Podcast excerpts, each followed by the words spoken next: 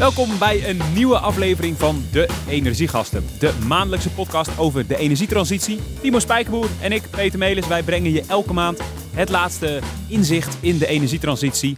Aanleiding voor het onderwerp van deze maand. Ik doe een opdracht voor een zonnepanelenbedrijf, Sungevity. En die zijn, eh, daar ben ik bezig eh, met een opdracht om de Alliantie, woningcoöperatie, eh, te helpen om te verduurzamen. En dat was eigenlijk de aanleiding om het onderwerp voor deze uitzending te kiezen, namelijk de grote opgave van hoe je nou de huurwoningen, bestaande huurwoningen van de woningbouwcoöperaties kan gaan verduurzamen. En jij bent enthousiast geworden over dat onderwerp? Ja, het is super tof. want- Waarom eigenlijk? Nou, huurders hebben normaal een, eh, een huis waar ze niet zo heel veel over te zeggen hebben. En al helemaal niet op het gebied van energiebesparing. En nu komt er iets bij elkaar. Want normaal betaalt de huurder namelijk gewoon zijn energierekening aan een energieleverancier. Daar heeft de woningcoöperatie dus ook niet echt de lasten van als daar niet zoveel verbeterd in wordt. En nu, nu de woningcoöperatie zegt, wij gaan ons meer inzetten voor duurzaamheid. Waarom dat zo is, komt later nog wel in deze aflevering.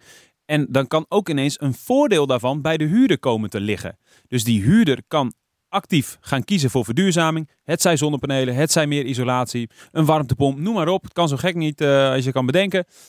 En op die manier is er dus ook het voordeel voor mensen die vaak niet de hoogste inkomens hebben, om toch voor duurzaamheid te kiezen en dus ook minder vaste lasten te hebben.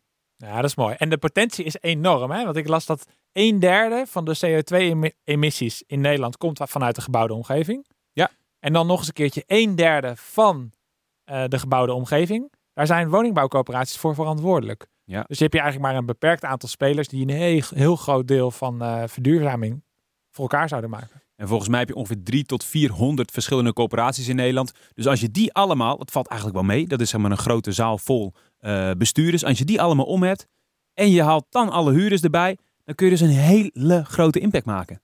Nou, we gaan als eerste praten met eh, Hilde van Ree. Zij is eh, bestuursvoorzitter van Groningen Huis. En zij is dus zo'n woningbouwcoöperatie.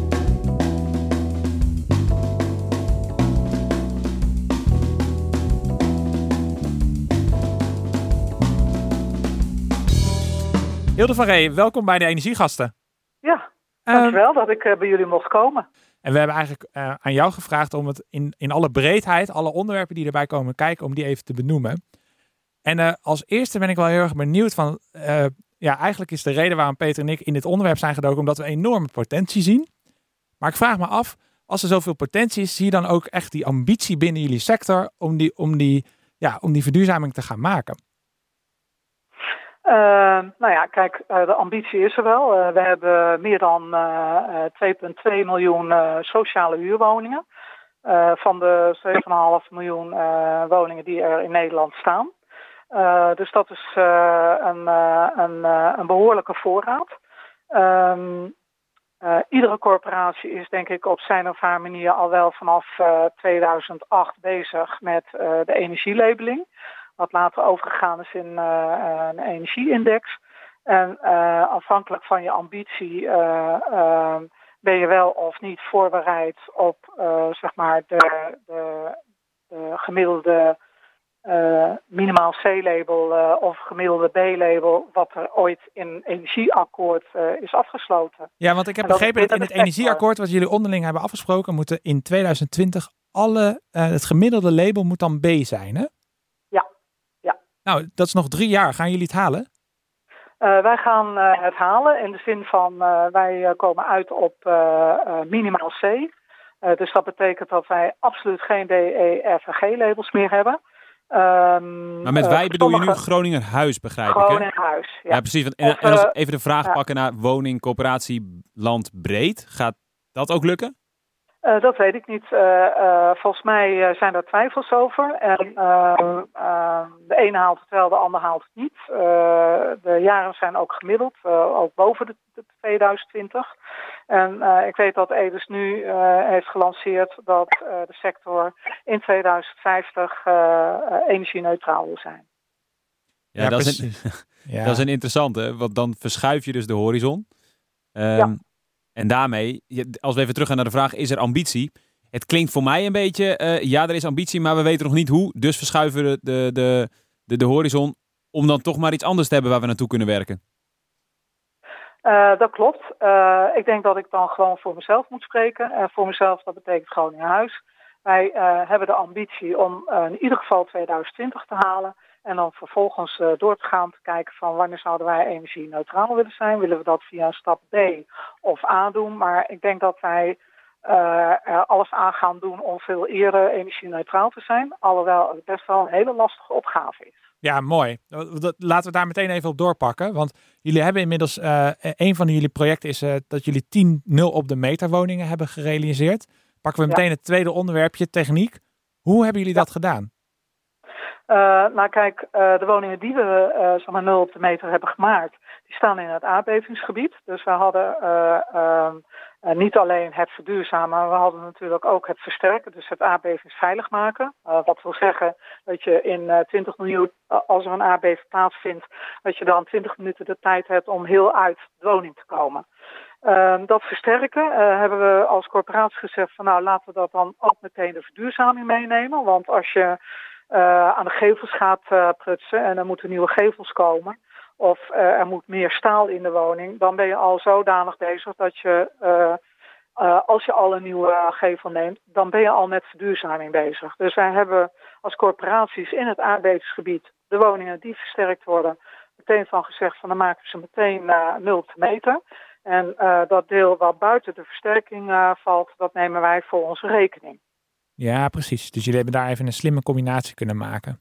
Exact. En nou ja, daar kan je uh, gebruik maken van STEP-subsidie, RVO-subsidie. Ehm, uh, maar we hebben ook de woning 40 eh, jaar leeftijdsverlenging gezet. En, en dat betekent dat we dan daarmee gewoon weer eigenlijk bijna een nieuwe woning hebben. Ja, precies. Dus op die manier hebben jullie het ook kunnen financieren. ja. En, maar ja. voordat we daarover doorpraten, eventjes gewoon technisch. Wat doen jullie nou om zo'n woning nul op de meter te maken? Uh, we hebben een uh, luchtwarmtepomp genomen. En uh, we hebben die, we hebben natuurlijk zeg maar infiltratie toegepast, dus een, een luchtdichte woning. Die is ook daarop getest. Ehm, we hebben wel de bestaande radi radiatoren gebruikt. Um, en, maar dat is het. En zonnepanelen? Uiteraard, zonnepanelen. Ja, dus, dus de schil ja. aangepakt, zonnepanelen, luchtwarmtepomp en de bestaande af, warmteafgiftesystemen ja. blijven we gebruiken. Ja. Oké, okay, dus zou ik de conclusie mogen trekken, de techniek is er wel voor die 0 op de meter woning? Ja, maar de techniek kan wel steeds, uh, uh, die, die mag nog wel verder verbeteren. Hè? Want uh, als je een luchtwarmtepomp neemt, heb je nog altijd wel de ventilator. Ja, daar zitten heel veel corporaties mee. waar laat je die? Zet je die in de woning met het gevaar op resonantie of zet je die buiten de woning? Als je hem buiten de woning zet, zet je hem dan in de berging. Als je hem in de berging zet, dan zegt de huurder van, oh, wacht even, ik ik leef twee vierkante meter in. Uh, hoe nu verder? En, dus dat zijn wel problemen die je tegenkomt, maar uiteindelijk probeer je dat uh, uh, zeg maar, middels je ervaring gewoon verder op te lossen. We hebben, de eerste keer hebben we de ventilator op, op de berging gezet, althans dat hadden de aannemers bedacht. En de tweede keer hebben we gezegd dat willen we niet weer, we willen hem niet meer zien. Dus hij moet verstopt worden. Ja, ja, ja precies. Oké, okay, maar fundamenteel is de technologie op orde. Ja. Het, is, het zit hem alleen in dit soort ja, slimme toepassingen om het nog, uh, nog te gaan verbeteren. Misschien dan toch ja. even naar die, die, financiering. Je hebt er al iets over gezegd. Je zegt van, nou, je kan de levensduur van zo'n woning verlengen. Wat, wat zijn andere geldstromen nog die bij dit soort projecten komen uh, kijken? Nou, je kan, je kan natuurlijk uh, nog meer doen. Want uiteindelijk gaat het erom dat wij ons voor woningvoorraad zeg maar naar energie-neutraliteit brengen. Mm -hmm. dan wat je zou kunnen doen is dat je voor een deel zelf de investeringen doet. Uh, maar je kan ook kijken, en daar zijn wij zelf mee bezig om te kijken van, kan ik ook een, uh, een vinden die uh, mijn daken wil gebruiken om panelen op, op te zetten. Nou, dan zou je kunnen zeggen van, nou, dan zorg ik dat daar de huur een plus bij heeft. En wij zelf hebben de plus omdat we onze daken beschikbaar stellen en daarmee gaat de woning naar een B of een A. Ja. dus dat is een goede manier. De tweede manier is dat we subsidies aanvragen. Uh, de woningen op leeftijdsverlenging zetten, maar ook dat we nieuwe woningen die we bouwen ook heel energie-neutraal maken meteen. Dat brengt ook je gemiddelde zeg maar, naar beneden. Ja, precies. Uh, dus dat is een, uh, een manier. En verder ge maximaal gebruik maken van de subsidies die er zijn. En ehm, het nieuwe kabinet heeft ook voorgesteld om de vuursheffing ehm, daar kortingen op te geven als je, als je aan je, aan je, aan je duurzaamheidsambitie werkt. Ik zie Dus Peter dat- een beetje vragend kijken, maar de verhuurdersheffing, dat is de heffing die de overheid eh, gebruikt om dus woningbouwcoöperaties eh, eh, belasting te laten betalen of geld Ja. te laten betalen. Ja, om een eigen begrotingstekort weg te werken. Zo kan je het ook zeggen. Precies. Er wordt met, altijd met gemeende gevoelens naar deze heffing gekeken. Oké, Ja. en, en dan is er nog een andere die ik ook interessant vind. Dat is de EPC-vergoeding, waar ik ook veel over lees. Wat is dat precies? Eh, EPC, dat is de energieprestatievergoeding. Eh, wij bieden mensen, als we nul op de meter maken, eh, dan geven wij een, eh, een contract. We mogen, is wetgeving op, we mogen geloof ik maximaal 1,40 euro vragen per vierkante meter. De woningen waar wij over hebben, vragen we 1 euro per vierkante meter. Nou, wat krijgen ze daarvoor terug? Eh, ze krijgen daarvoor terug dat ze een vast bedrag betalen, wat eh, niet stijgt. Eh, twee is dat dat wij daar een monitoringssysteem aangekoppeld hebben. Zodat we ook echt kunnen zien van hoe gedraagt de bewoner zich, maar ook hoe gedragen de apparatuur zich in de woning. Mhm. En, ehm, eh, want de bewoner moet natuurlijk, omdat hij iedere maand toch een bedrag betaalt, moet je ook zeker weten van nou, wat er gemeten wordt, klopt dat ook. Ja, precies. En even om uit te leggen, die EPC-vergoeding. eh, Je kan natuurlijk ook afvragen waarom zou je de huur niet gewoon verhogen. Maar jullie zijn natuurlijk sterk gereguleerd. Jullie zetten alle- allemaal regels vast. En eigenlijk de EPC-vergoeding is er, is er voor, is er, als ik ja. het goed begrijp, voor dat je dus die, die verduurzamingsmaatregelen die, die je vooral in energiekosten voelt, dat je Ja. daar dus iets kan doen.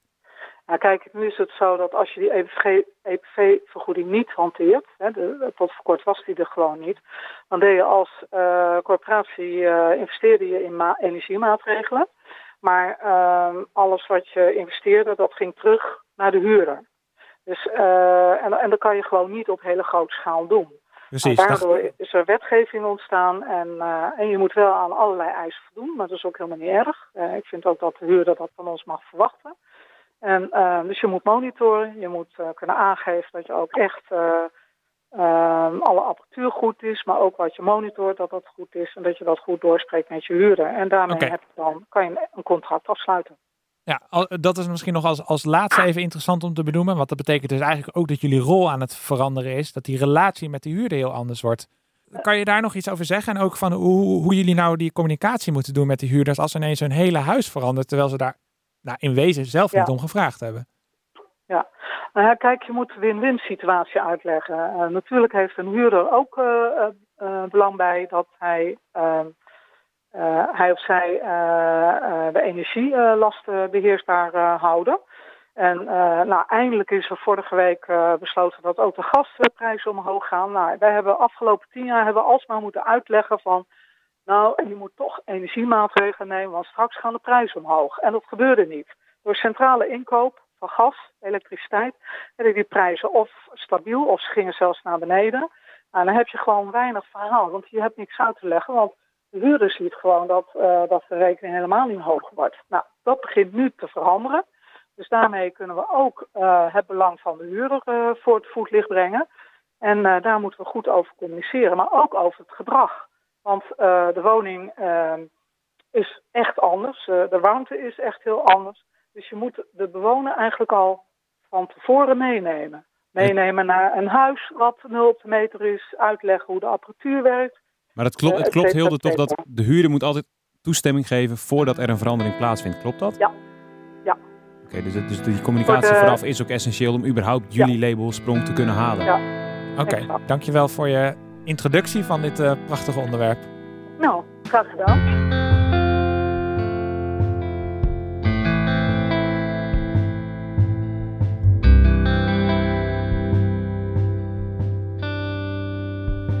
Oké, hij loopt al. hij loopt al. Wie loopt dan? De kat loopt van huis. Timo, Hilde hebben we gehad. Gast nummer uno. Ehm, verduurzaming van woningcorporaties. Even opnieuw, wacht even. Hilde hebben we aan de lijn gehad. Gast nummer 1. Wat vind jij? Ja, ik heb een eh, duidelijk beeld gekregen van wat het hele speelveld is. Mhm. Maar ik blijf wel zitten met de vraag van waar kunnen we nou echt even die versnelling gaan halen, volume gaan maken. Dat we die energielabel B 2020 wel halen en niet naar 2050 hoeven te gaan kijken. Precies. En dan blijft me toch ook een, een ander woordje, want dat, dat zei Hilde niet in de uitzending, maar ze, ze zei ook nog, ja, we moeten eigenlijk naar industrialisatie toe. Opschalen van wat er gebeurt. Precies, en, en dat, dat sluit ook wel aan bij mijn ervaring als het gaat over woningenrenovatie. Dat, dat je eigenlijk die, die volumes wil gaan halen, je wil die prijs naar beneden krijgen. En de grote uitdaging daar is om ervoor te zorgen dat niet elke woning weer maatwerk is. Dus dat je Hmm. toch een beetje het een repetitief kan, kan gaan maken. Nou, en wat dat betreft geloof ik wel in de aanpak waarin je misschien wat minder gaat focussen op die schil. Hè? Want eer- vaak zeggen mensen van je moet eerst energie besparen en dan moet je pas gaan opwekken. Ja. Maar als je zo'n huis gaat inpakken, ja, ge- geen huis is meer hetzelfde na 30 jaar. Dus dat is allemaal maatwerk. Dat zijn vrij dure maatregelen. Het is ook ingewikkeld qua samenwerking met, met alle partijen in de keten. Terwijl als je veel meer gaat focussen op installaties, dus de zonnepanelen, balansventilatie, infraroodverwarming, Warmtepompje. warmtepompje, allemaal dat soort dingen. Dan kan je hele grote stappen maken die relatief veel meer, veel uniformer zijn. Gewoon voor elke woning hetzelfde. En dus heb je indus- industrialisatie. Ja, dus nou, in ieder geval daar zou je dan naartoe kunnen werken. Want wat je natuurlijk wel ziet, en dat is volgens mij ook waar Hilde tegenaan loopt in haar projecten, is dat, dat die bouwkolommen heel erg versnipperd zijn. Hè? Dus je hebt de elektro-installateur en je hebt de man van de, van de bouwconstructie. En er zijn nog toch nog maar niet echt goede aannemers die dat helemaal als een soort van integraal totaalpakketje neer kunnen leggen. Ja.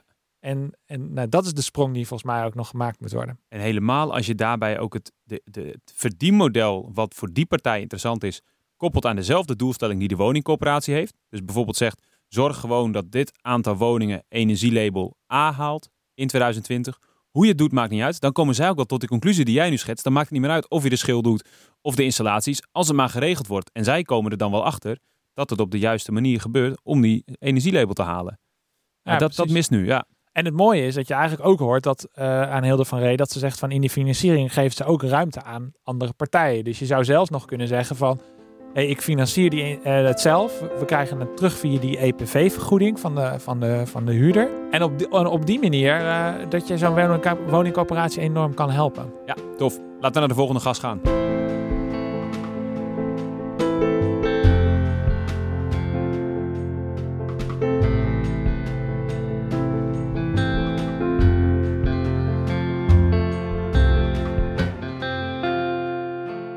Volgende gast in deze editie van de Energiegasten is Alex Bonnema.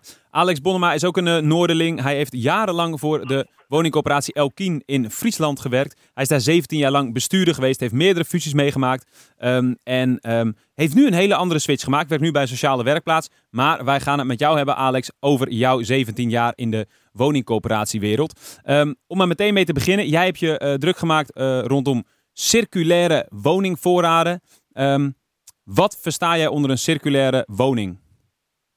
Nou, circulaire woning is eh, eh, in hele platte termen een woning die uiteindelijk continu te hergebruiken en te hergebruiken en te hergebruiken is.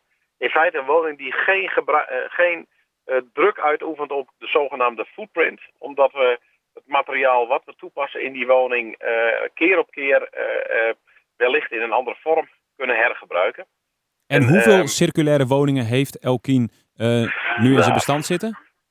Ehm, El- Elkien heeft vorig jaar de eerste 20 eh, circulaire woningen eh, toegevoegd aan, eh, aan de voorraad. En ik meende me te herinneren dat er dit najaar de volgende tranche van 20 eh, wordt gerealiseerd. En dat zijn dan woningen die gemaakt zijn van een buitengewoon, buitengewoon type lavasteen. En tegelijkertijd is Elkien ook ehm, nog onderweg met het produceren van woningen op een, op een betonbasis. En ook dat zijn, eh, daar zijn, eh, stonden tientallen woningen voor op de planning. Ehm, eh, woningen die gewoon geen druk op de footprint eh, uitoefenen. En voor de duidelijkheid, dat zijn nieuwbouwwoningen, hè? dat is niet renovatie. Dat is nieuwbouw. eh, alleen eh, het, het, het concept wat gebaseerd is op eh, dat, dat lava-proces, ehm, dat zou je ook heel goed kunnen toepassen in eh, renovatiewoningen. En wat is er dan precies circulair aan, aan, aan lava? Nou, kijk, het, het, het, het charmante van lava is dat als je dat op een hoge temperatuur brengt, dan praat je over boven de 1000 graden, dan krijgt dat een vorm waardoor je er van alles en nog wat mee kunt maken. En lavasteen, eh, zoals eh, eh, die wordt toegepast in de woningen die Elkien heeft gerealiseerd, ja, dat is uiteindelijk tot een, tot een soort persing gekomen. die in, in die zin heel bijzonder is. Omdat de, de persing ervoor zorgt dat je uiteindelijk een luchtdichte muur krijgt die wel dam doorlaat. En dat is juist interessant als je over renoveren hebt. Zodra je een, een muur qua isolatie nog dichter maakt, dan is gemiddeld genomen het grote probleem dat die woning niet alleen luchtdicht wordt, maar ook damdicht. Ja. En damdicht zorgt voor een binnenklimaatprobleem. Terwijl deze muur ervoor zorgt dat de damp er gewoon doorheen uh, kan ademen. En daarmee heb je een, een mooie vorm van isoleren, die tegelijkertijd voor het binnenklimaat ideaal is en circulair is. Jij zei afgelopen jaar, vorig jaar 20 woningen, dit jaar ook 20 woningen die jullie circulair hebben gebouwd. Uh, ja. Eén element om dit echt op te schalen is, waar we net over hadden, industrialisatie. Hoe kun je hier grote aantallen mee draaien die ook nog betaalbaar zijn? Is dat mogelijk? Kan dat? Ja, ja. kijk, weet je, het, het, het, het grote probleem bij dit soort innovaties is dat het altijd klein begint. Um, maar, uh, en daarmee heb je dus alle kinderziektes waar je maar tegenaan kunt lopen. En dat heeft ook dit bouwproces meegemaakt. Maar uiteindelijk zul je wel ontdekken dat als je op deze manier de, de eerste twintig hebt gerealiseerd en de volgende uh, um, uh, uit gaat zetten in productie, dat je tot slimmere ideeën komt. Dat je tot meer industrialisatieprocessen komt. Dat je tot meer efficiëntie en, en dat soort zaken weet te komen. Waardoor uiteindelijk de woning niet alleen goedkoper wordt, sneller gerealiseerd kan worden, maar ook interessanter is voor andere partijen om ook af te gaan nemen. En gebeurt dat nu ook? Dat het, komt dat industrialisatieproces ook echt op gang? Ja, dat, dat, dat komt wel op gang. Alleen je ziet dat zodra je het hebt over een nieuw type materiaal, ja, dan is iedereen toch arwanen. Dan is de grote vraag, ja, kan dit wel en werkt dit wel? En stel, het gaat over een jaar of tien toch mis, wat, wat doen we dan? Um, uh, uh, zeker met dat, met dat lava gebeuren, uh, denk ik dat het navolging verdient. Maar zodra je het over een betonmuur hebt die een, een, een soortgelijke ehm, kwaliteit heeft, dan zie je dat er meer interesse is. Alleen het is keer op keer de eerste stap. Hè? Ben je bereid om als eerste over die dam te gaan? Om daarmee aan te tonen dat je uiteindelijk zegt, nou, ik heb er vertrouwen in, ik geloof erin en ik wil er wel een aantal van realiseren. En ik denk dat dat ook de grote uh, uitdaging is waar we voor staan. Als je, en als je dan terugkijkt naar hoe we dat gedaan hebben met de nul op de meter woningen in, het, in, het, in de sociale volkshuisvesting, dan zie je dat je gewoon vaak één of twee of drie corporaties nodig hebt die daar vertrouwen in hebben. Maar daarna moet je ook de, de early adapters neerzetten. De, de partijen die zeggen, goh, ik heb een collega gezien die heeft dat gedaan, ik heb ervan geleerd. En met zijn leerervaring ga ik verder en ga ik het verder opschalen naar meer aantallen, waardoor het voor die bouwer ook weer interessanter maakt om het nog weer efficiënter te maken. Maar dat betekent dat ik uh, in, in Nederland zijn ongeveer 350, 400 uh, coöperaties als ik het goed heb. Uh, dat betekent 400 directeuren, bestuurders die daar aan de knoppen draaien. Als we nou al die bestuurders het in hun tenen laten voelen wat er nodig is en dat het nodig is, dan zeg jij, dan gaat dat vanzelf lukken. Ja, ik, ik, ik vind zelfs dat je het enthousiast bent dat ze het allemaal moeten voelen. Want ik denk dat je ook moet beseffen dat er altijd um, bestuurders zijn die het liefst aan de kar hangen in plaats van aan de kar trekken. uh, uh, en it, wat dat betreft denk ik van ja, weet je, ook daar moet ruimte voor zijn. Maar als je een kleine groep van, van, van misschien 15 tot 25 bestuurders hebt die uiteindelijk met enthousiasme dit soort vormen van piloteren weten uit te venten en, en echt ook realiseren, ja, dan denk ik dat, dat je daarmee uh, gewoon het eerste stapje zet. En hebben we 20, uh, 25 van, die, van, van die mensen in Nederland die aan de knoppen draaien, die dat willen, die de kar willen trekken? Ik denk dat die er zijn. Ik denk dat er uh, zowel bij de grote als bij de kleine corporaties, of het nou randstedelijk is of, of in de periferie, er zijn echt corporatiebestuurders die ehm, ehm, het menens is, die snappen dat er echt wel een, een, een verandering in het klimaat is. Dat je echt wel uh, op deze maar, manier. Maar toch, maar toch hoor ik uh, eigenlijk aan de ene kant, ja, het kan gewoon, het, het is er. Aan de andere kant hoor ik ook in uw stem van, ja, maar het gebeurt nog niet. Nou, kijk, ik, ik denk dat um, uh, los van het vertrouwen wat ik heb in, in echt wel inno, innovatiebestuurders die het idee hebben van, jongens, hiermee moeten we aan de slag. Realiseer ik me ook dat het wel een sector is die de afgelopen jaren meerdere tikken op de, op de vingers heeft gehad. Uh, waarbij het, uh, het niet... Naar aanleiding uh, van alle schandalen. Ja, dat, dat ik uiteindelijk me ook wel kan voorstellen dat ook raden van commissarissen daar wel aarzeling bij hebben. Mm, Maar dus- zeker, zeker bij, bij eh, een aantal eh, corporaties zitten gewoon bevlogen mensen die het niet alleen doen voor het klimaat, maar ook om op die manier eh, hun huurders een prachtig mooie woning, een duurzame woning eh, te kunnen aanbieden. Ik denk dat eh, uiteindelijk het eerder een kwestie van tijd is dan dat het überhaupt niet gaat gebeuren. Ja, dat is, dat is natuurlijk een afsluiter die mooi is, maar ergens ook heel pijnlijk, want die tijd hebben we niet. Nee, maar daarom, eh, daarom maakte Elkien ook de keuzes om te zeggen van... ja, je kunt wel met elkaar gemiddeld voor een energielabel B ergens de begin jaren 2020 gaan. Maar we moeten ons realiseren dat dan label eh, B betekent vijf tot tien jaar verder... dat we weer met elkaar constateren dat het label G is. Ja, Want de- de, techniek gaat wel verder. Dus ik denk dat je uiteindelijk je moet realiseren dat eh, als je iets wil... dan, dan moet je de scope eh, volgens mij op 2030 zetten en zeggen van de komende 15 jaar is het remmen los en eh, volop investeren. En op die manier ook eh, eh, eh, niet alleen de innovaties echt aan de man brengen en echt praktisch tot uitvoering brengen en echt laten zien dat het werkt. Maar ook daarmee gewoon eh, in, in economische termen voor de bouw überhaupt een, een geweldig interessante markt te zijn. En ik denk dat die belangstelling er is. Ehm, eh, het gaat alleen erom, eh, is dat eerste sneeuwvlokje groot genoeg om die lawine te laten ontstaan? Laat die eh, 20, 25 bestuurders vol aan de bak gaan. Alle schandalen van vroeger opzij zetten. En eh, gas geven met die Maseratis. Alex Bonnema, veel dank. Wij hopen dat de lawine heel groot gaat worden. Ik met jou, dat hebben onze huurders van ons eh, verdiend, maar dat hebben ook komende generaties eh mogen dat van ons verwachten.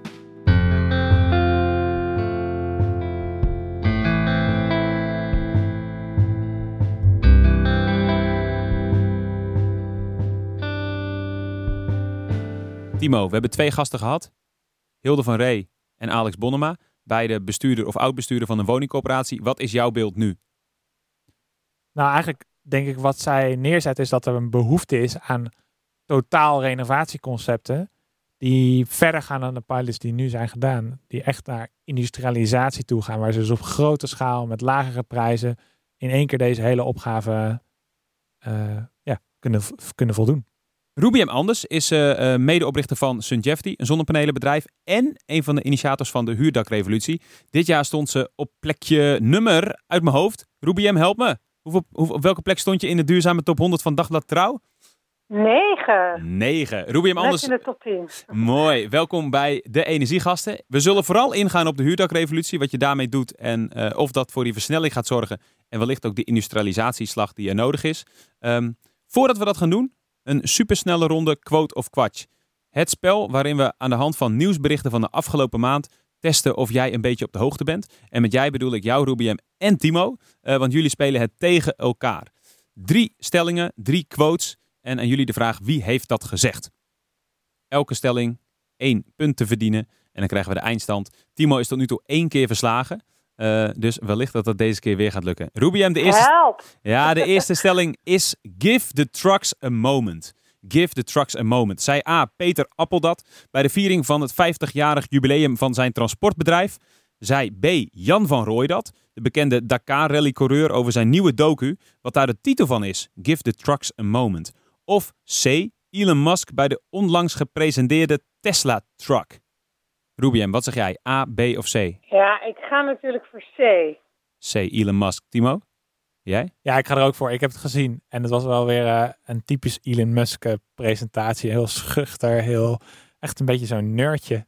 Maar ingestudeerd, zo zag het er ook wel weer uit. Ja, dat ook. Ja. Ingestudeerd schuchter. Ehm, allebei één punt, klopt helemaal. Eh, dan stelling 2. Gefeliciteerd met kabinet Shell 1. Zei A. Faiza Oulase dat tegen Mark Rutte in een tweegesprek onlangs voor Dagblad Trouw. B. Demonstranten van de jongere fractie Rood van de SP op een partijcongres van de VVD. Of C. Een leerling van Mark Rutte van de Johan de Witschool in Den Haag tijdens de eerste les maatschappijleer nadat het kabinet gevormd was. Timo, A, B of C? Ik weet het niet. Ik ga voor C. Lijkt me heel leuk. Mark Rutte is een leerling. Ja, dan, ga- dan ga ik voor Faiza. Jij gaat voor Pfizer? Ai, allebei geen punt. Het was antwoord B. Het was een, eh, een actie van eh, Rood. En die eh, kwamen echt met een spandoek het podium opzetten. Werden meteen weer afgebonjourd. En eh, Mark Rutte die heel leuk hoi hoi riep. En ze waren weer verdwenen.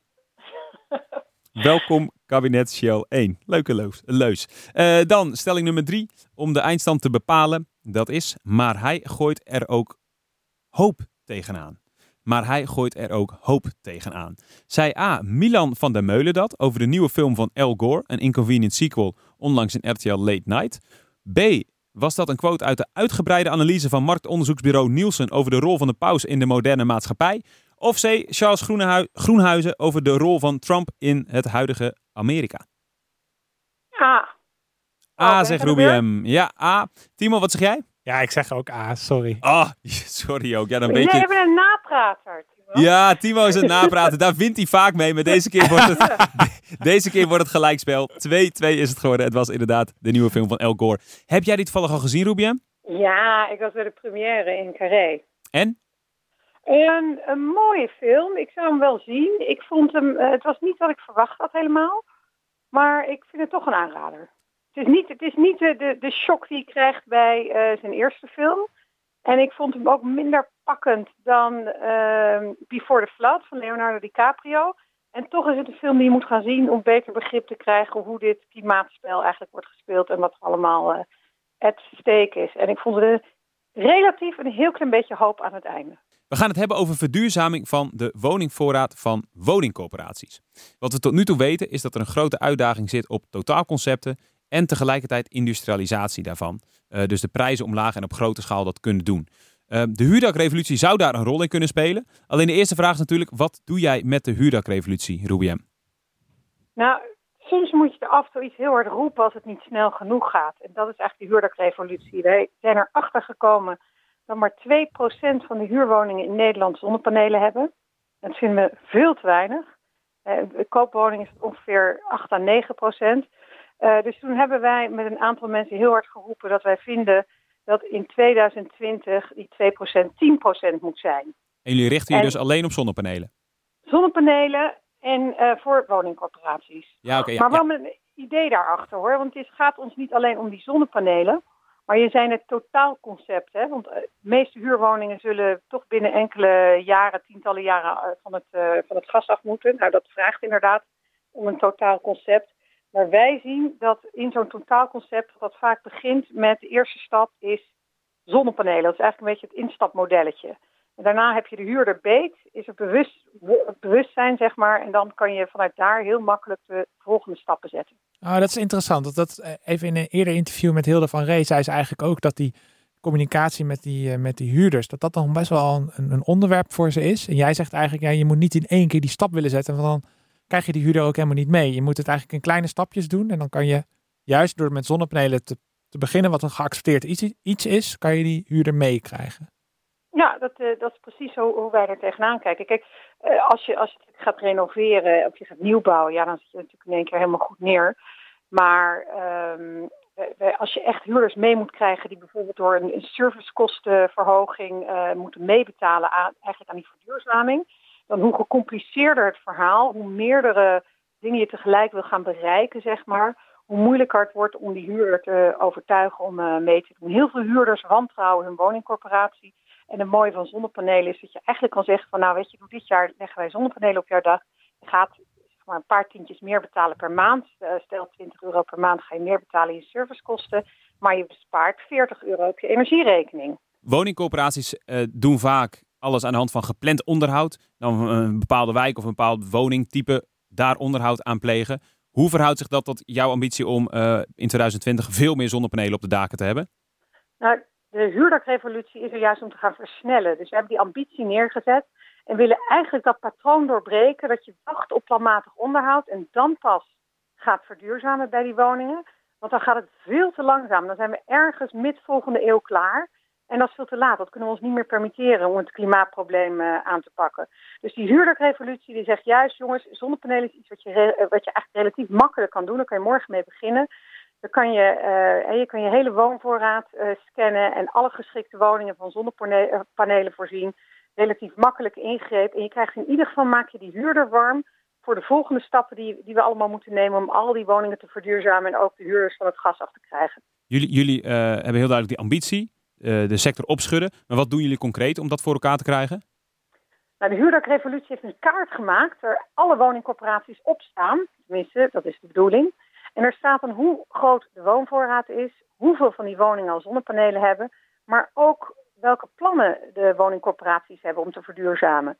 Dus dan krijg je echt een heel mooi, mooie teller erbij waar staat van nou, wij, eh, als wij zeg maar 10% van de huurwoningen met zonnepanelen willen, dat we overeenkomen met anderhalf miljoen woningen met zonnepanelen. Als je nu alle plannen bij elkaar optelt, dan zitten we op een half miljoen. Dus dat is al heel wat.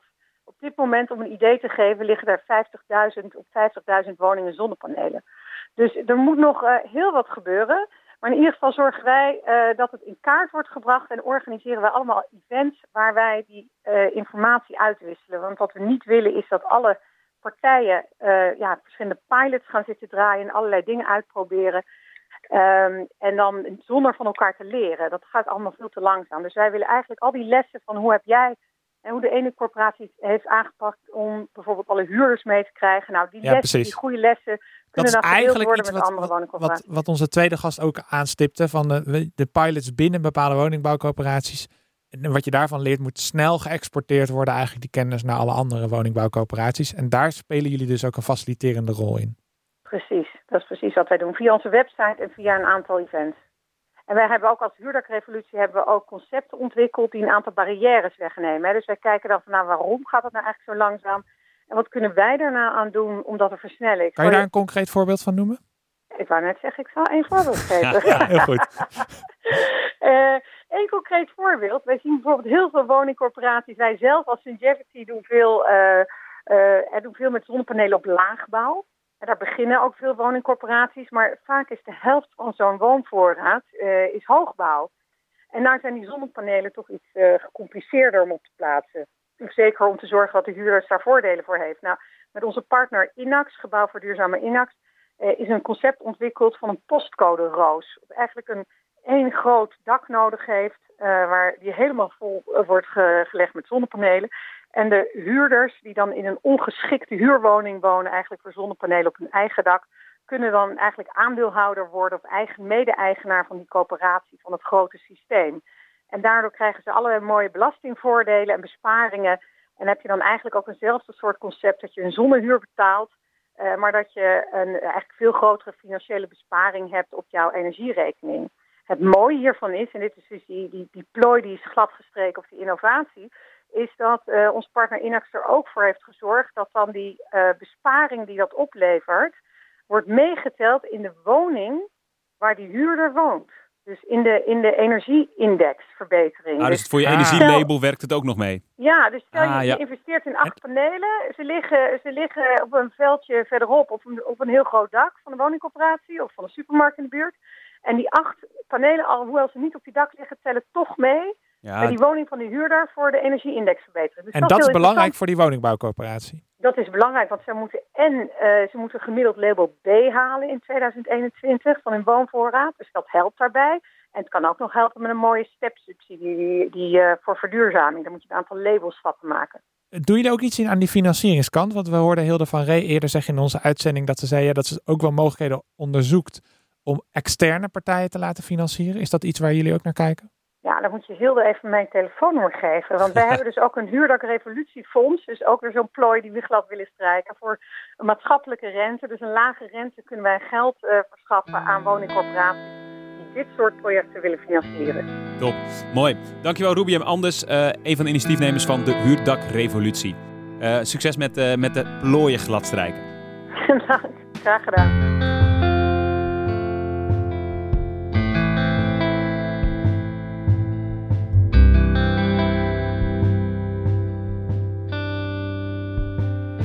Peter, wat vond je ervan?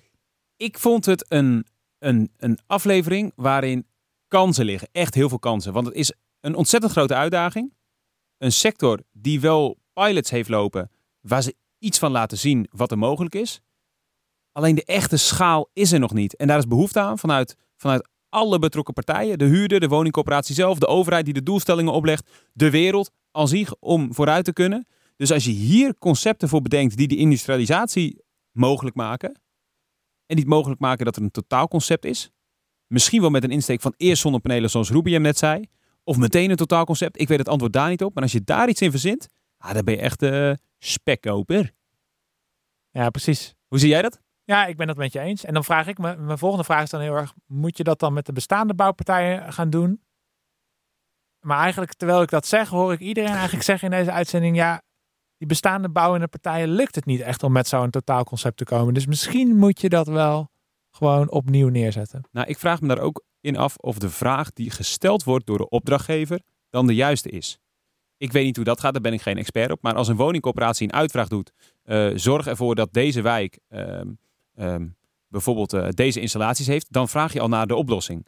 Maar als jij de uitdaging neerlegt bij de markt, dat zou ik me ook kunnen voorstellen. Als jij zegt, voor de komende, uh, noem eens wat, we gaan in 2030 willen wij onze hele voorraad uh, op energielabel AAA plus hebben. En dat je je committeert aan dat volume, hè? want dat is dan heel belangrijk. Exact. De, de, de, de partij die daarop inschrijft weet dat hij tot die termijn zoveel woningen kan gaan doen. Dan is het ook interessant om een bepaald risico misschien wel deels zelf te pakken, deels te delen, om daar samen in op te trekken. En dat is volgens mij iets dat nodig is. Ja, Cool. Ga er iets mee doen. Misschien wel naar aanleiding van deze aflevering. En als je dat naar aanleiding van deze aflevering gaat doen, laat dat ons gewoon weten. Uh, wat is ons mailadres? Info at energiegasten.nl En je vindt onze andere afleveringen ook allemaal op energiegasten.nl of via jouw favoriete podcast app. En delen, delen, delen, delen. Als je andere mensen kent die dit tof vinden, deel vooral deze podcast met ze. Dan uh, worden wij blij. En zij hopelijk ook.